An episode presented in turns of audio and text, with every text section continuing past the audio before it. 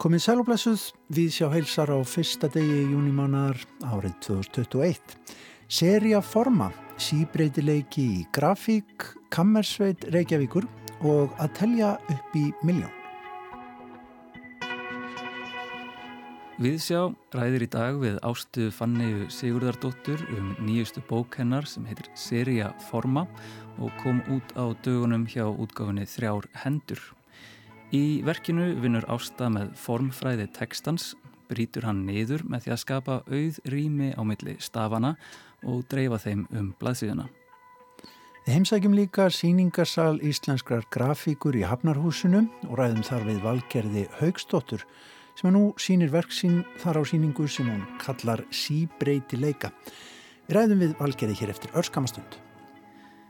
Og Gauti Kristmannsson, bókmyndagagrinni Viðsjár, segir hlustendum frá upplöfun sinni af lestri skáldsögunar að telja upp í miljón eftir önnu Hafþórsdóttur en svo bók var önnur tveggja verka sem segraði handrita samkefni forlagsins nýjar rattir.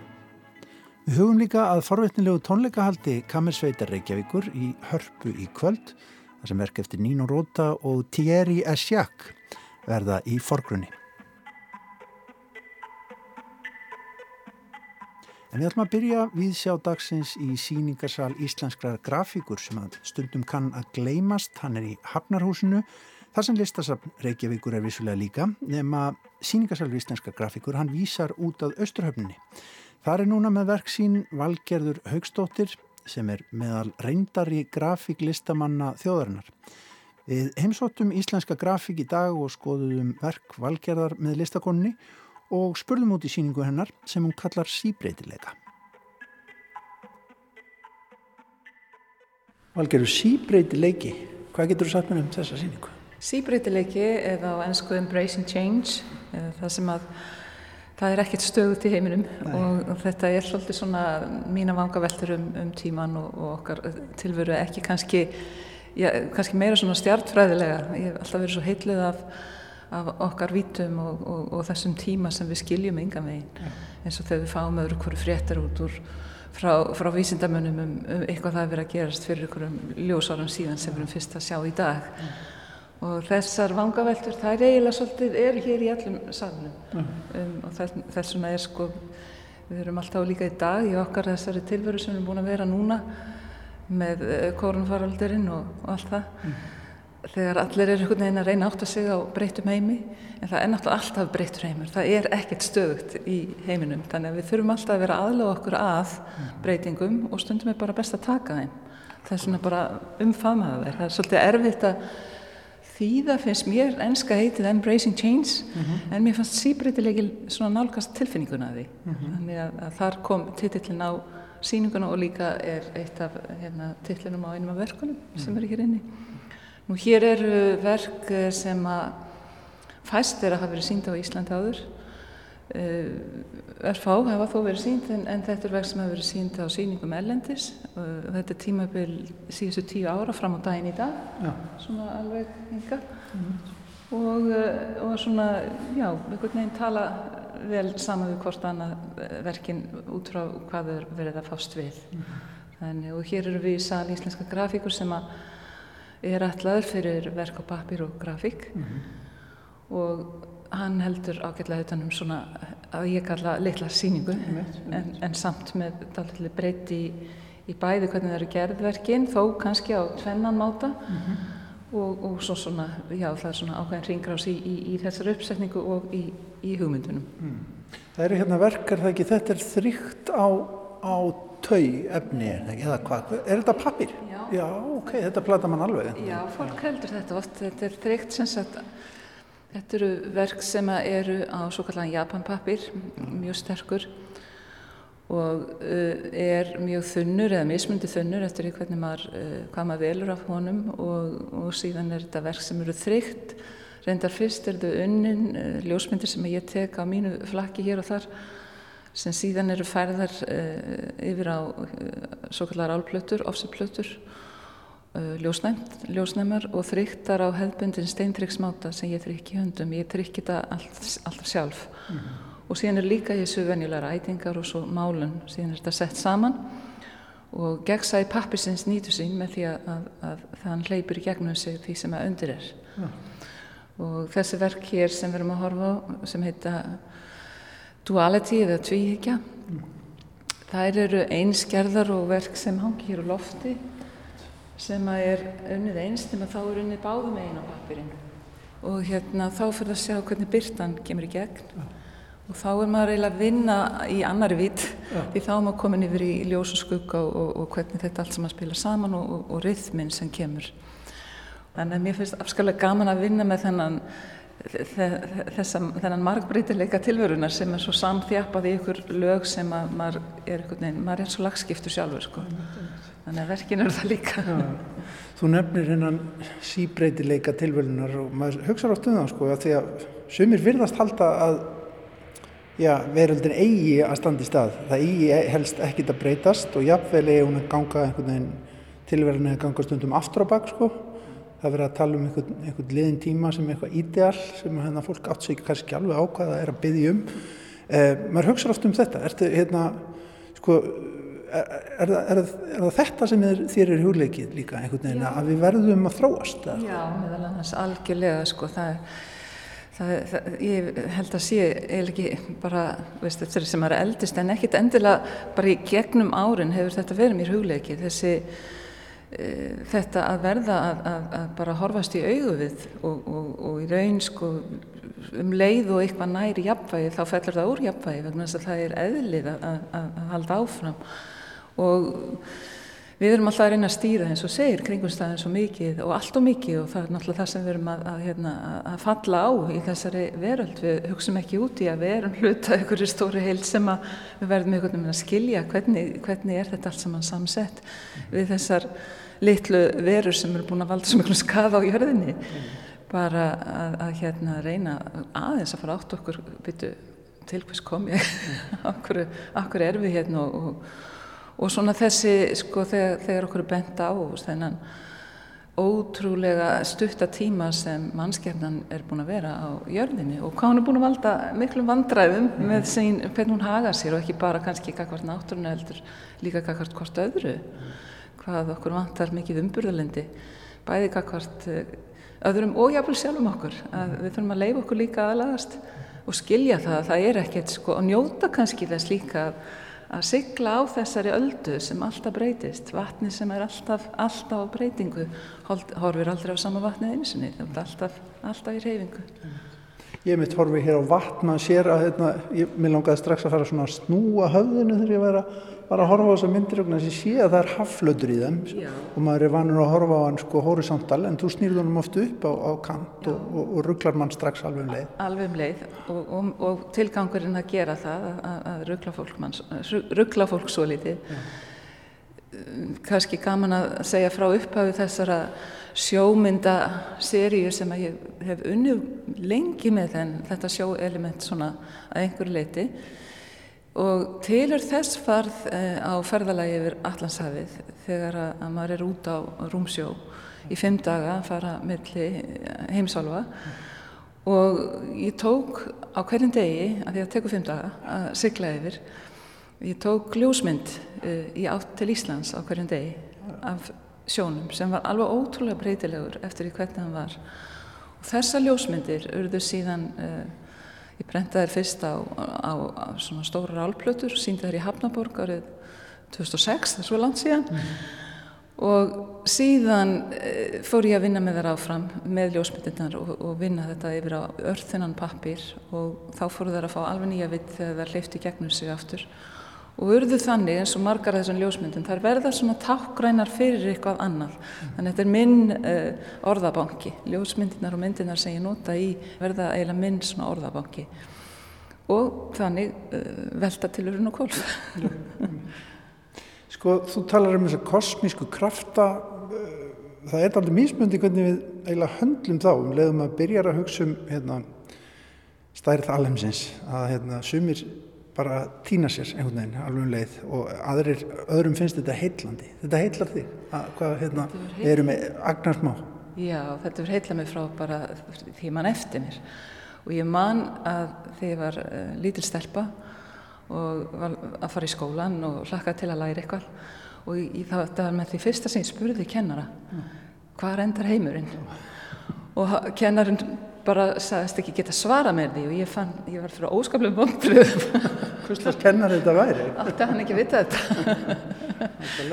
Og þetta, þetta, mér finnst þetta alveg óskaplega heillandi Það getur lengi velt þessu fyrir sér. Já, bara þessi sko hvað svona líka þegar maður fer að, sko, að skoða það sem að er að gerast í vísindum í dag og, og þessi tengstmilli kannski bara heimsbyggi og vísinda. Mm. og þegar þetta allt saman kemur saman í raun í, í einn ein, ein heim af því að það getur ekki verið að við séum einn hér, það, það er ekki nokkuð leið. Nei, en maður er ekki lungu en bara, maður trúir því ekki. Og mann dettur, mér dettur alltaf svo oft í hug sko bara á þessum tímum áður þegar að Kolumbus var að verðast og, og enginn vissum hína hínum einn bara við hafið. Ja. Þetta er örgulega bara óskur svipað í framtíðinni. Við erum bara svona takmörkuð og við verðum að sætt okkur við það að við höfum bara þessi skinnfæri og, og þessa þekkingu sem við höfum í dag. En hver veit hvað gerist í ef við verðum ekki búin að gera út af okkur áður.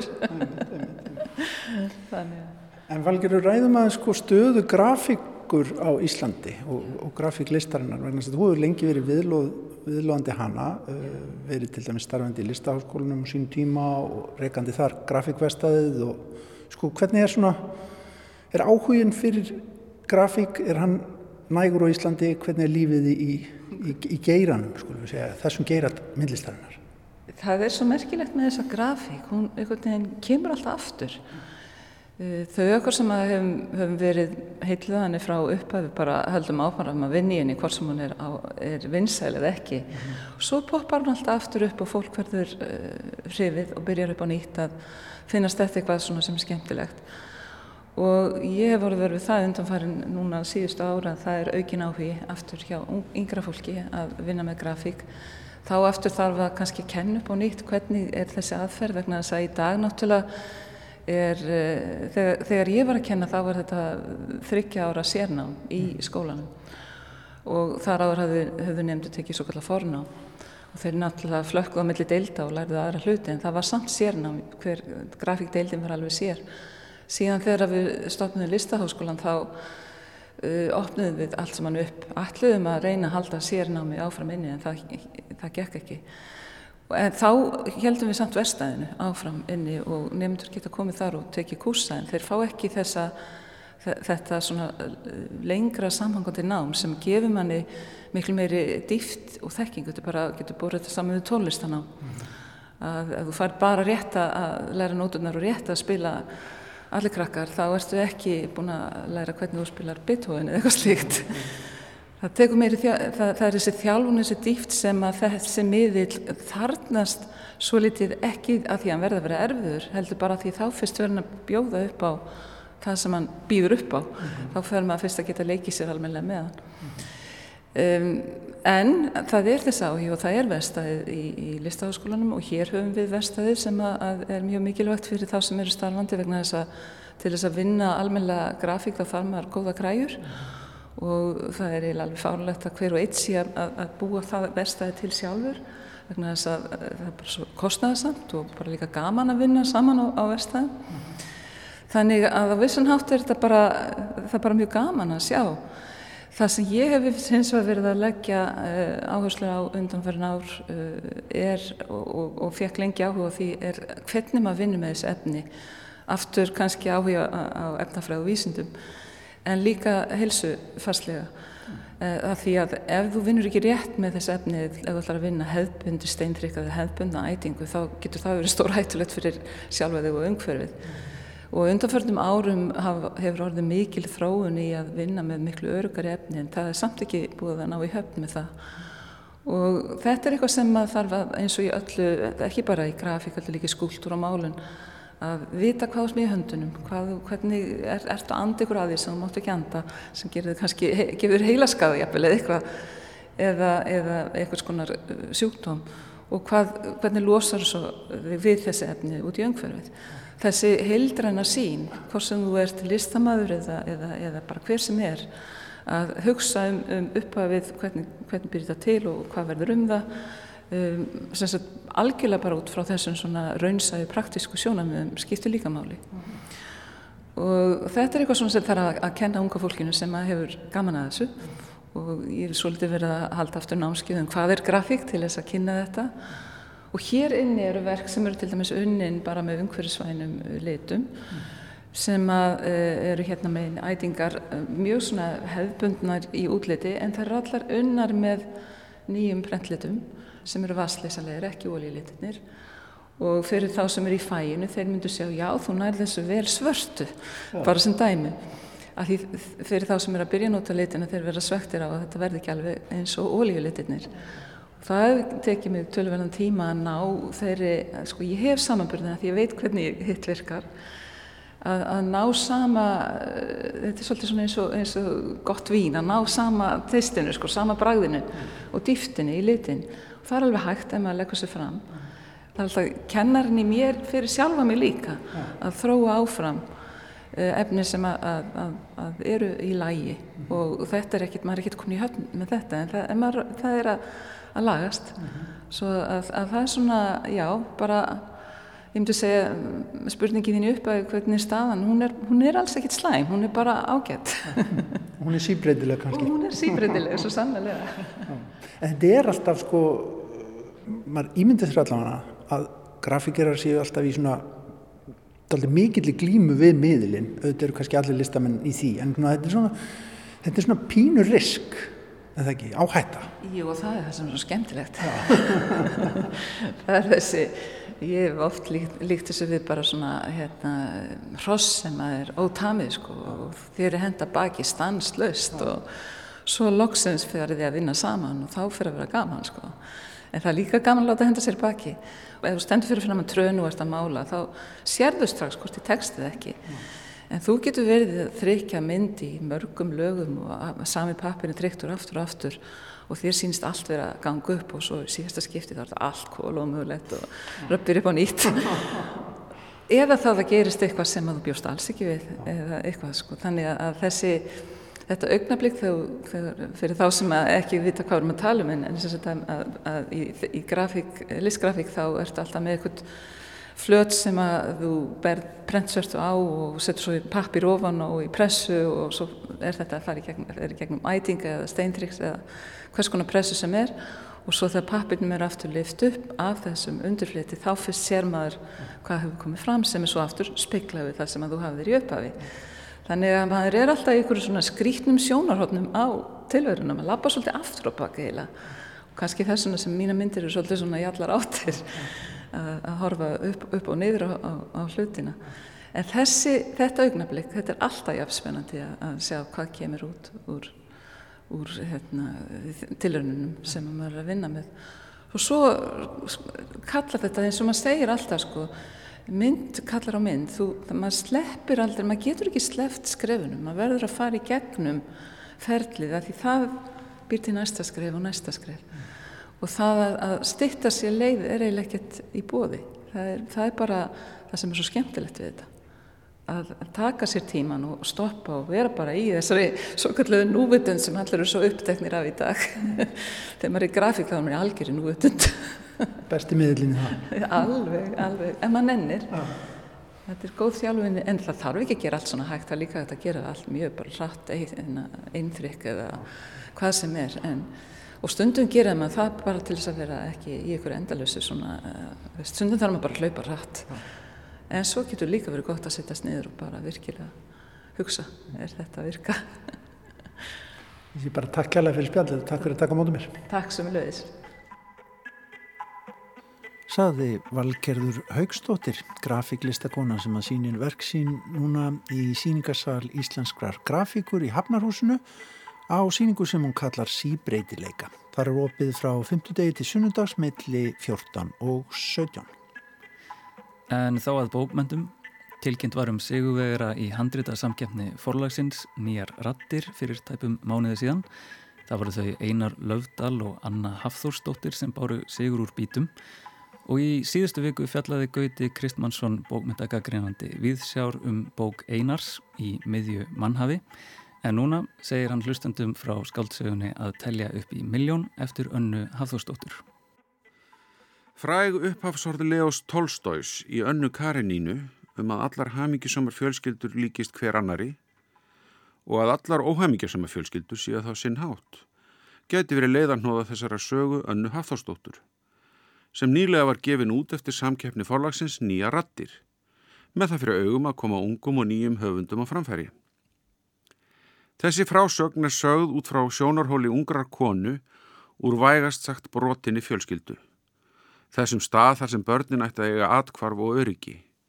En stundum verður eitthvað annað úr því og þótt að sé oft bísna ámóta þar sem áfengi, fíknefni og áfbeldi spilla öllu, þá er því ekki helsa í þessu tilfelli. Þetta er yfirgefningarsaga ef svo máð orði komast. Hún fjallar um mannesku sem ástvinir yfirgefa og hún yfirgefur þá líka. Ofmalt er að segja þetta sem einhver bókmyndagrein, en þetta er þema í ymsum sögum. Auður af og Ólafstóttir hefur til dæmi skrifað sögur þar sem þetta er viðfáðsefni. Sagan er sögð á tveimur sviðum.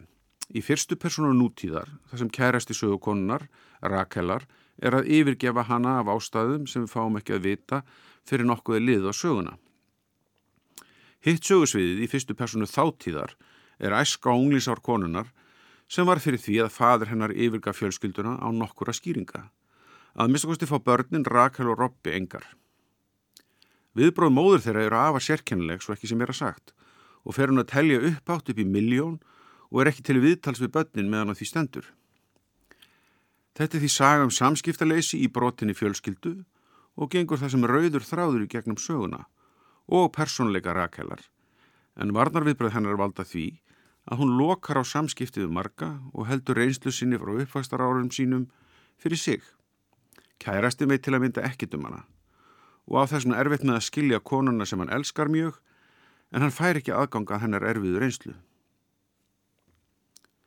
Meðfernabönnunum í sögunni undistryka líka annað umhugsunarefni hennar, badnignir, þrána eftir badni og andstæðu hennar. Rakel heitir auðvitað ekki þessu nafnið ástæðuleysu. Það er vísun til samnendrar koni í Gamla testamentinu, eiginkonu Jakobs í fyrstu Mósebók. Munur er kannski sá að Rakel biblíunar er óbyrja á þess að vilja það, en Rakel í þessari bók vill ekki eiga bönn. Eðlilega getur manni dóttið í hug, þegar við kynnust fjölskyldu hennar nánari gegnum söguna. Sögukonan snertir á henni mótsaknakendu þrá eftir bönnum og frelsisins að vera án þeirra í litlu samtali við gamla vinkonu sem hún hefur ekki síða lengi. Vinkonu sem hún yfirgaf sjálf að vissuleiti. Vinkonan á tvö bönn og hún hittir hann á kaffihúsi fyrir tilvílun með annað þeirra. Hún kvarta svo litið yfir erfiðinu og segir að þetta sé samt rosalega skemmtilegt. Sögukonan svarar, tilvittun höfst, já, ég skil, sagði ég, en auðvitað skildi ég ekki. Hún brosti kurteslegi gegnum veggin, listilega saumaðan samskiptavegg sem stendur millir kvenna með og án badna. Tilvittun líkur. Samskipti án samskipta. Spurt er líka stóra spurninga um hlutverk foreldra og tekst sérlega vel hjá höfundi að tjá sjónarhótt badnana í þeim tilgangi. Foreldrarnir eru bæði tvö alvarlega brostnir einstaklingar, móðurinn er greinlega haldin einhverju þráhyggju og þjáast af geðsveiplum sem börnin skilja ekki og það er vel gert að halda raugrættum skýringum frá okkur lesendum. Við þurfum að skilja þetta út frá börnunum. Fadurinn er líka samskiptaheftur eða mjög sjálfkverfur en við vitum ennminn um hann þar sem hann leggur niður róuna og fer án skýringa og hveður ekki einu sinni börnin sín. Hann hefur heldur ekki samband við þau eftir það. Þetta eru hrikalegar aðstæði fyrir börn að alast upp við svo ekki sem er að sagt. En það eru líka smáadriði í samskiptum innan fjölskyldunar sem eiga við allar fjölskyldur og fullorðið fólk gleymir oft upplifum barna sinna í amstri dagsins og hrekkur svo við þegar fullorðnuð börnin spyrjum ekkur augnabligur fortíðinni sem það sjálft hefur glemt en börnin hafa gemt djúft í sálarkirnum sinni. Fjölskyldur, allar með tölu, eru líka uppspretta sagna. Oft eru sagðar smellnar sögur á góðum stundum og það aftur og aftur. Og kannski er þetta það sem tólstói átti við. Góðu sögurnar eru kannski svipaðar en þær sáru mismunandi, ef þær eru þá sagðar yfir leitt. Höfundur þessara sögu blandar þessu saman á merkilegan hátt með fjölskyldusögunni af langamenni Lillu sem fór í leikús og lifði sig svo inn í leikritið og hún fór að hrópa á leikaran á sviðinu.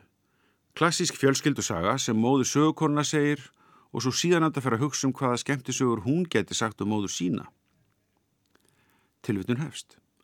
Einu sinni var eins og hún læsi hugsanir mínar og hún bætti við. Sögur verða skemmtilegar þegar tíminn hefur leikt þeim að marinerast. Fortíðin er romantísk, framtíðin er spennandi en nútíðin er leðinleg. Tilvitun líkur. Samt er bakgrunnu þessara skondnu fjölskyldusögu svo staðreind að langamann Lilla stitti sér aldur. Anna Hafþórsdóttir hefur gott vald á máli og stíl og var ánægilegt að sjá hvernig hún minnur með formið í tímaflakkinu millir sögusviða og fyllir upp í upplýsingagötum fyrir lesendur í réttum skömmtum. Hún er líka góðu flýi lók sjöndakablans þar sem sögukonin ítrekkar, nánast á þráhyggjukjandan hátt, allt sem hún gerði rámt í sambandi sínu og samskiptum við kærastansinn. Þar sjáum við retoriska klefun sem virkar vel og við lesendur fáum að sjá í kviku konunar ungu sem hefur verið yfirgefin og kenni sjálfur sér um allt. Það var virkilega upplýfgandi að lesa svona kraftmikinn texta og það þótt viðfangsefnið í línunum væri allt annað en hressandi. En þetta var fömlaust og fór beint að kjarna þessara sögu sem er á sinnhátt sönnum þess að það var eitthvað til í þessu hjá tólstói forðum daga. Við fáum að njóta þessi príðilegri frásögn um snúnasta fyrirbærið í lífi hverja mannesku, fjölskylduna saði Gauti Krismansson um skáldsögu önnu Hafþórsdóttur að telja upp í miljón. Gauti nokkuð lukkulegu með þá bók, heyrðis mér. En þá höfum við að tónlist og tónleikahaldis með þeir fram í hörpu í kvöld.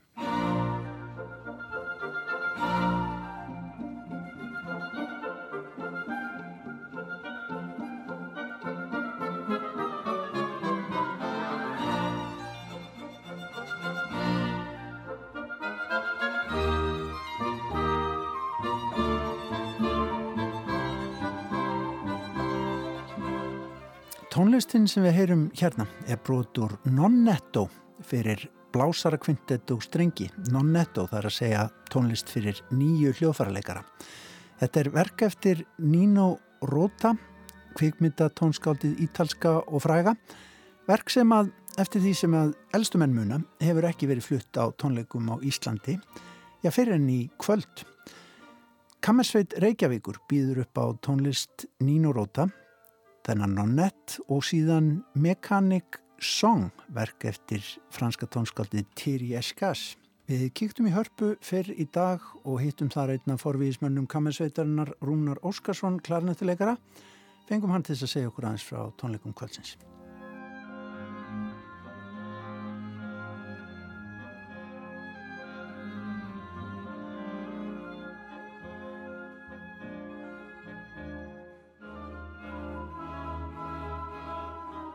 Rúnar Óskarsson, kaminsveitur ekki aðgum, en tónleika í kvöld í Norðurljósum henni hérna hörpu. Uh, þið eruð að bjóða upp á tvö tónverk sem að kannski ja, hafa ekkert heilt á Íslandi þannig að þetta er aldrei forveitinlega daskar hjá okkur. Já, við erum að bjóða upp á tvö verkarna, annars vegar þetta er Nino Rota, uh, Ítala og Terry Essay, uh, sem er franskur organleikari. Þessi verk höldum við að hafi ekki verið flutt hér áður. Allavega ekki þetta verk eftir eh, fran, frakkan það er sem sagt sextett fyrir piano og blásarakvintett og samið árið 2006 og það er Íslands frumflutningur á því verki. Hitt verkið er No Netto fyrir nýju hljóðfærarleikara eftir Nino Rota. Og hefur held ég ekki verið flutt hérna áður. Ég hef búin að spyrja ansi marga og flett upp í bókum og tímaritum og við, við höldum að þetta sé Íslands filmflutningur á því líka sko. Nínu Róta þekkir fólk auðvitað úr bíómyndatónlistinni aðalega náttúrulega en, en, en þetta verk er, er aðeins annars eðlis ekki satt. Hvernig músk er það? Þetta er um, skemmti tónlist, Ske, fyrst og fremst skemmti tónlist, um, létt tónlist í þar að segja létt að hlusta á hana. Já erfitt að spila hana. Það er fyllótt fara saman. En um, já, þetta er skemmt þetta er í fimm þáttum, þetta er hálftíma verk í fimm þáttum. Og það er svolítið eins og hann sé svona stundum að líta aðeins til fortíðar var hann til svona formið. Hann til dæmis með tilbreyðakabla sem er svona kannski svolítið gamalt form sko. en hann er, þetta er rosalega skemmtileg músík, hann er, þetta hefur verið mikið talent þessi maður. Og náttúrulega um síðan verkalistanans þá er það bara svakalegt hvað hann hefur áorkað sko. Og virkilega svona áhugaverð músík sko. Mm -hmm.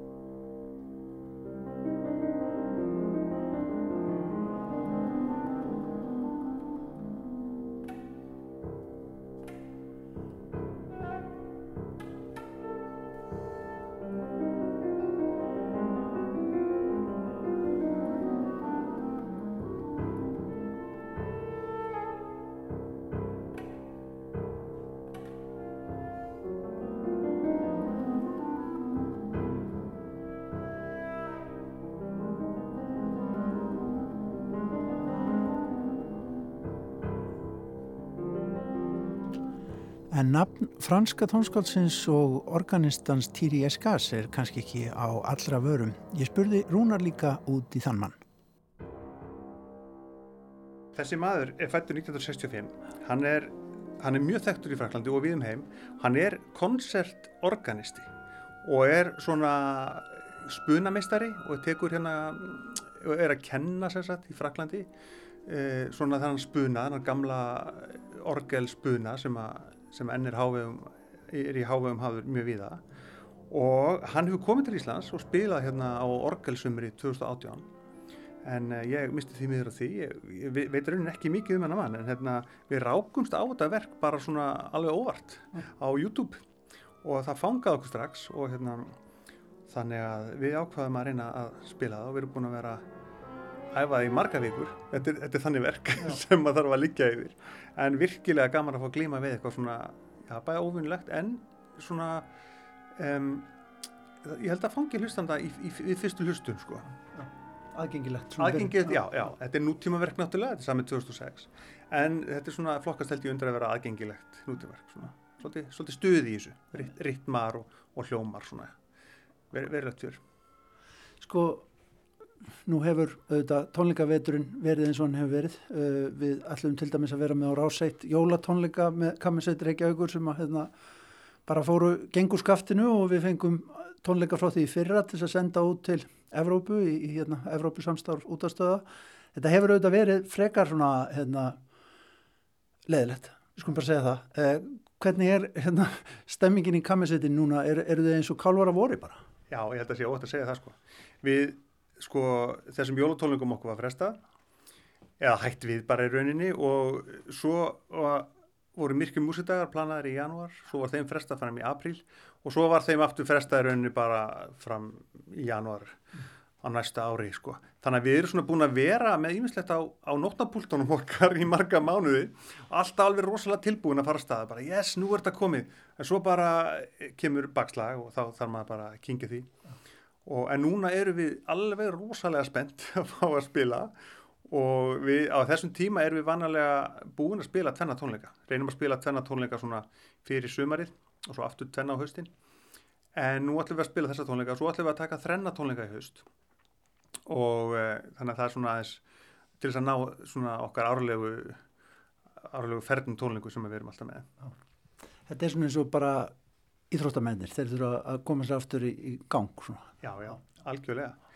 Það, þú veist, maður, það, það er erfið að við öll þessi frí og allar þessar pásur að maður þarf alltaf að vera svona í gýrnum til þess að, til þess að spila þegar að kalli kemur, sko. Já, já. Þannig að ég held ég hef aldrei eftir mér mikið heima eins og síðustu mánuð búin að sitja við spili gegnum allar gamla ræfingabækur og öll gömlu verk sem ég þekkti og panta nýtt. Það hefur verið líka áhugavert að maður hefur rauninni fengið tækifæri til þess að að skoða eitthvað nýtt sem maður hefur rauninni ekki haft tíma til núna ég pantaði alls konar því ég er nú bassaklarleikar líka alls konar ný verk Já. fyrir bassaklarnett og e-tíðu bækur en það er, það er mikið gróska þar sko Já.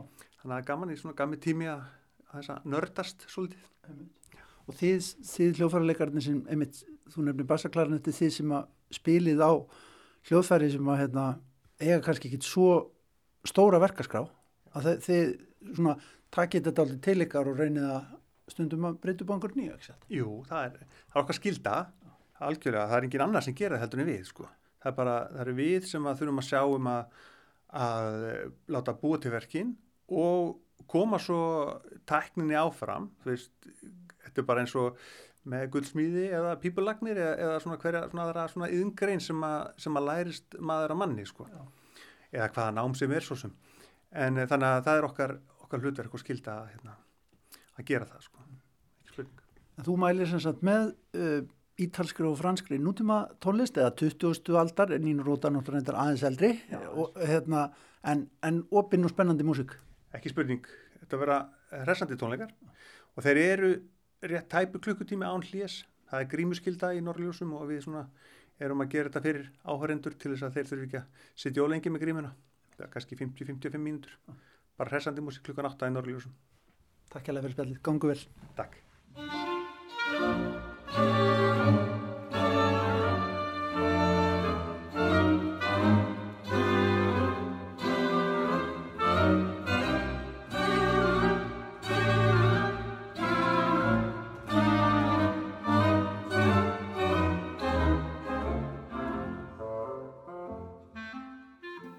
Já, spennandi tónleika hald hjá Kammersveit Reykjavíkur í Hörpu í kvöld. Það var Rúnar Óskarsson, klaranett og leikari sem að sað okkur frá því. Þessi tónar úr Non-Netto eftir ítalska tónskáldið Nino Rota. En þá í útgáfubóð. Fyrsta gælu dýrið bjó á bringunni. Pínu lítill kassi í streng við bárum það um hálsin eins og medalju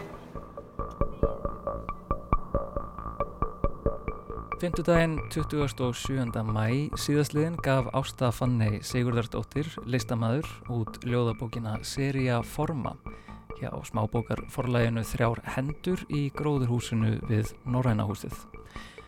Þrjár hendur er samstagsverkefni feðginana Óskars Árna Óskarssonar, ljóðskálds og Nínu Óskarsdóttur, myndlistamanns.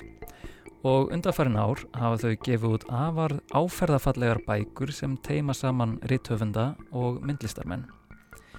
Hver bók er því bæði myndlistaverk og ritlistarverk. Bækurnar fást hins vegar ekki í almennum bókaverslunum en það er hægt að skrá sig í áskrift hjá þeim á þrjárhendur.com. Mynd og rítverkið, seria Forma, eftir ástu Fannegu Sigurðarsdóttir, er einmitt það, seria Forma.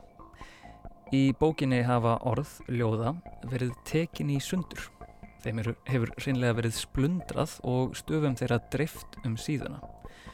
Þannig byrtast ljóðin lesanda nánast sem eins konar krossgáta eða stafaruglingur eða einmitt seria af formum.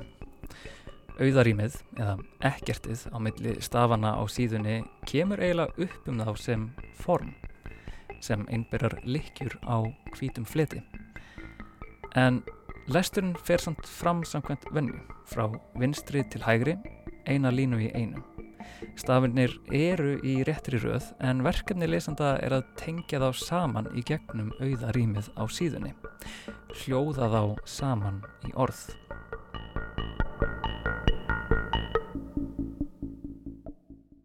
Við auksum til að elska háls laus fætt úr rafmagni rafhlöður nar Matur fyrir píp, hugsanlega framleitt fyrir börn með ofnæmi. Eða foreldra sem vilja ekki fara út með hunda. Tíminn gómaði okkur, við glemdum að fæða þau með dimmum förningum.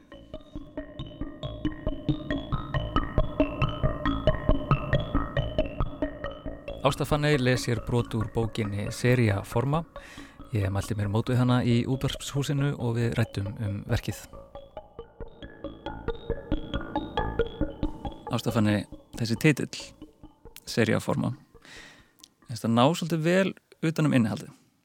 Um, að því að svona, því meira sem ég las því betur fannst mér að passa að því að tekstin í bókinni er eiginlega þessi svona seria af formum að maður byrjar að finna einhvern veginn finna fyrir því. Og þessum langað með að spyrja bara getur þið sagt mér og kannski hlustundum uh, þess frá þessari uppsetningu og hvaðan hugmyndin að henni kvinnaði Já um, þetta, Já, þetta var eiginlega að því að um, Nína og Óskar höfðu samband um mig og eru að tengja saman rillist og myndlist.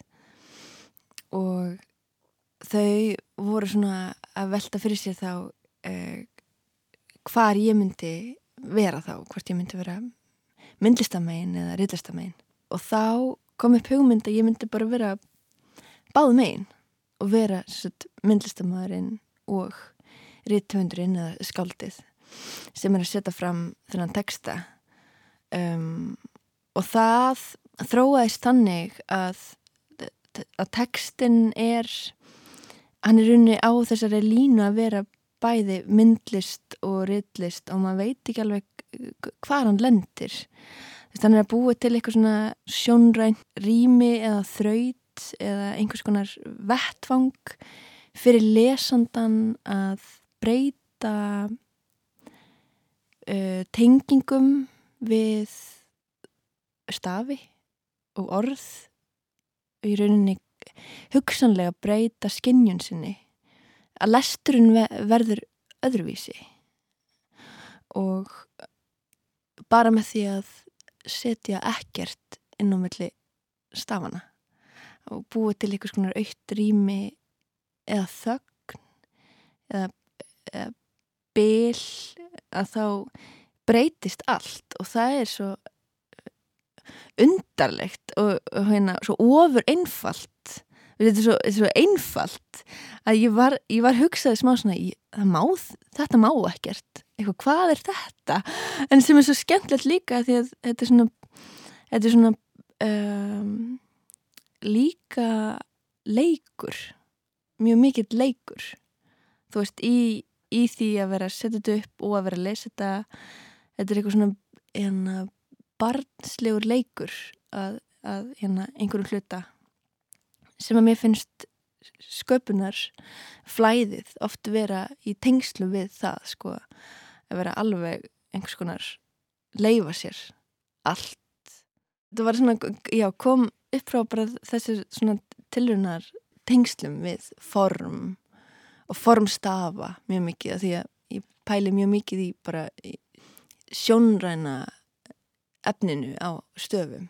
Veist hvernig lögunstafa og formstafa og allt eh, í tengslu við sko hérna já, já hvað stafir eru og hvað orð eru og hvernig, hvernig þau tengjast líka e, í hausnum á manni.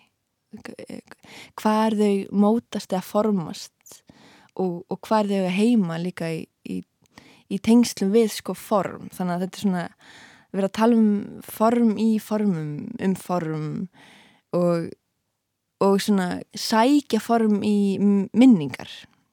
Og sem er líka mjög áhugavert að því uppsendingin er svona mjög svona slitrátt alveg svo minningar eru í rauninni. Þannig að þetta er eitthvað svona minningarkóði en samt ekki. Þetta er svona, já þetta er eitthvað svona blanda af alls konar. Einmitt. og ég, ég fann að þegar ég byrjaði að lesa þennan text og, og, og þetta er svolítið um þetta er svolítið svona augnablík þegar maður opnar bókina og sér hvernig ljóði lítur út þessi slítróttast af að runa á blæsiðinni og svo byrjar maður að lesa bara frá vinstri til hægri og púsla þessu saman og ég fann bara eins og heilastöðunar mínar væru komnar aftur í grunnskóla og ég Já. þurfti að hljóða út stafi og tengja þá saman oft tengdi orðin ekki rétt saman Já. þetta er bara fjall í sundur og en hægt og rólega byrjaði maður að finna rithman og verða aðeins betri í því mm -hmm. kom flæði en merkingin í sagt, orðunum og setningunum hún kom oft aftan að manni Já. að því að maður var svo upptekinn við að lesa Já. og púsla saman og svo allt í orðinu var maður búin að lesa setningu um einmitt pönnukökugerð eða e, ígulkir eða, og eitthvað sem er líka að því að innihaldlið hana nær svolítið til æskunar mm -hmm. þannig að þetta eru hluti sem hafa skipt mig miklu máli uh, sérstaklega árum áður en skipta með þá miklu máli mm -hmm. eins og uh, Langi Jón og það voru pönsur en það var hann að tölvedýrið sem að kveikta eitthvað mikinn áhuga hjá mér. Ég hef ekki séð það oft í, í nútíma ljóðum en það er, það er komið og uh, mér nokkað að spyrja áttur gott tölvedýr Ég átti frekar gott tölvitir og þótti mjög vænt um það.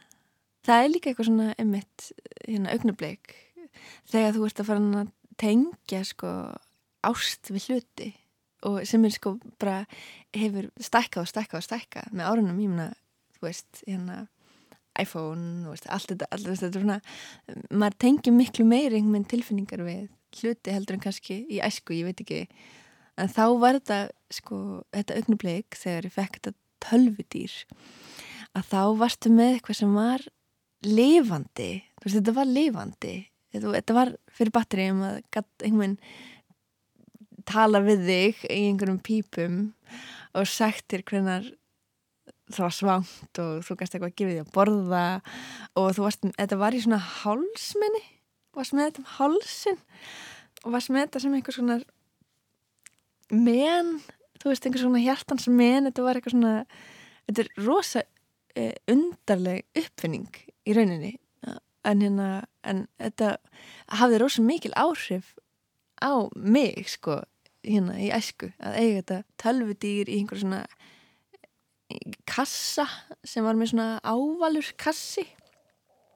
Og ég man svo vel eftir þessu hérna formi. Að þetta var í þessu formi sem var þessi já, þessi kassi, þessi ávali kassi þú veist, með eh, svona mjúk horn. Og þetta setur svo í minningunni bara þetta form og þetta og tilfinningin að vera sko, þú veist, og, og það er einmitt, kemur líka fram í ljóðinu undarlega tilfinningar svíkja eitthvað falst þú veist, að þetta sé sko falst dýr, ekki alvöru eh, á einhvern hátt. Þetta er ekki feldur, þetta er plast. Og, og þegar maður sko gefur því ekki að borða í heilan dag og vorst að svíkja það og maður fær svo mikið saminskapið að því þú veist það er þú veist að því maður dengir raunverulegar man, mannlegar tilfinningar við þú veist hérna við eitthvað tölvutýr sem er í rauninni þú veist það er ekki svánt þetta er bara einhver já eitthvað hérna system sem búið að búa til. Þetta er rosa undarleg sko uppsetning fyrir krakka finnst mér. Að því að maður veit ekki alveg sko hvað er alveg eru tilfinningar mínir alveg, þetta er bara plat, þetta er bara tæki. Ég má brjóta þetta, það, það hefur ekki tilfinningar. Þú veist, þetta er svona mikil tókstur þetta, finnst mér. Þú hefur starfað svolítið við ljóðaflutning og, og gjörninga og tónlist líka. En, uh, en ég fór svona að velta fyrir mér um, varandi uppsetninguna í þessari bók. Mm -hmm hvort hún væri með þetta þessi tilrönd til þess að brúa bíl þar á milli, milli gjörninguna því að sem lesandi gerist margt undarlegt í hausnum á manni fannst mér. Þetta er mjög góð punktur, þetta er akkurat það sem að, það var innmitt sko hérna um, það sem að ég vildi búa til sko um, er að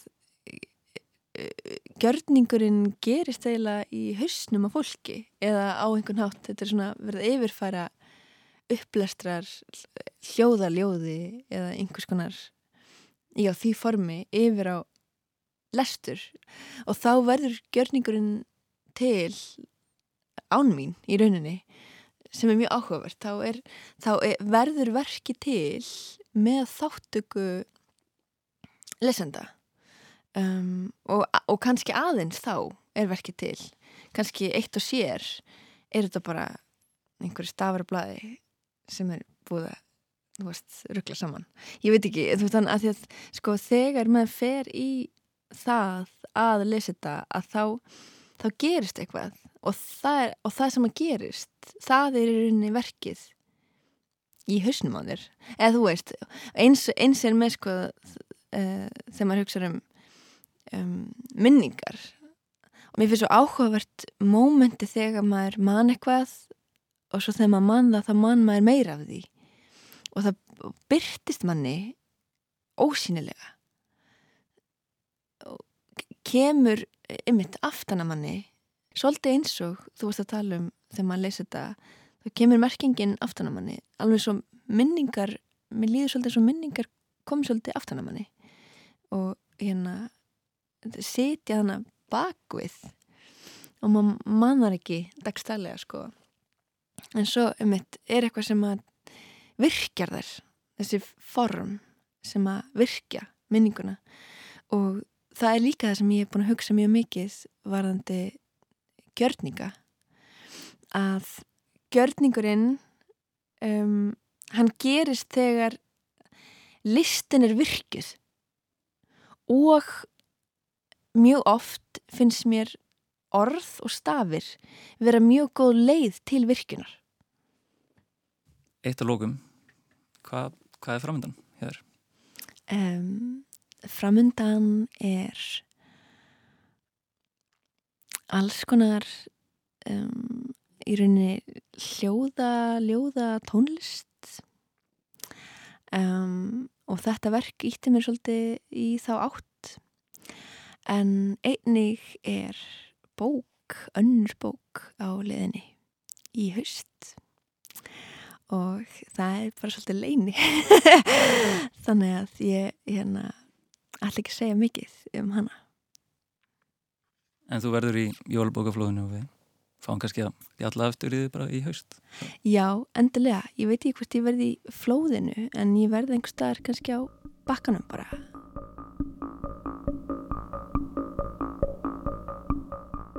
Flugrita í skúfum í töskum það er undarleg tilfinning að svíkja eitt hvað falst en hvað er svo sem ekta.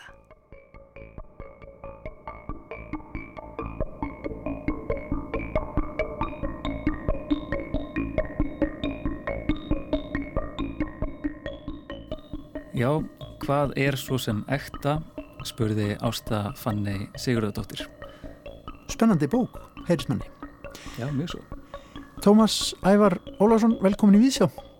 Takk fyrir það. Þú verður hér á, á skútinu með okkur í sumar og inn í Vísjá tengjavagninum og hlustendur munu auðvitað heyra, heyra meira frá þér. Þetta var fyrsta einslæðið í bíli en þú náttúrulega hefur verið í útvarpinu meðalans með þætti sem heita Ratsjá, doldið gaman að því.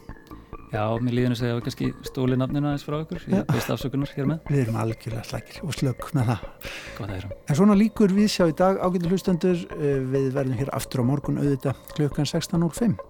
Fyrir þið sæl.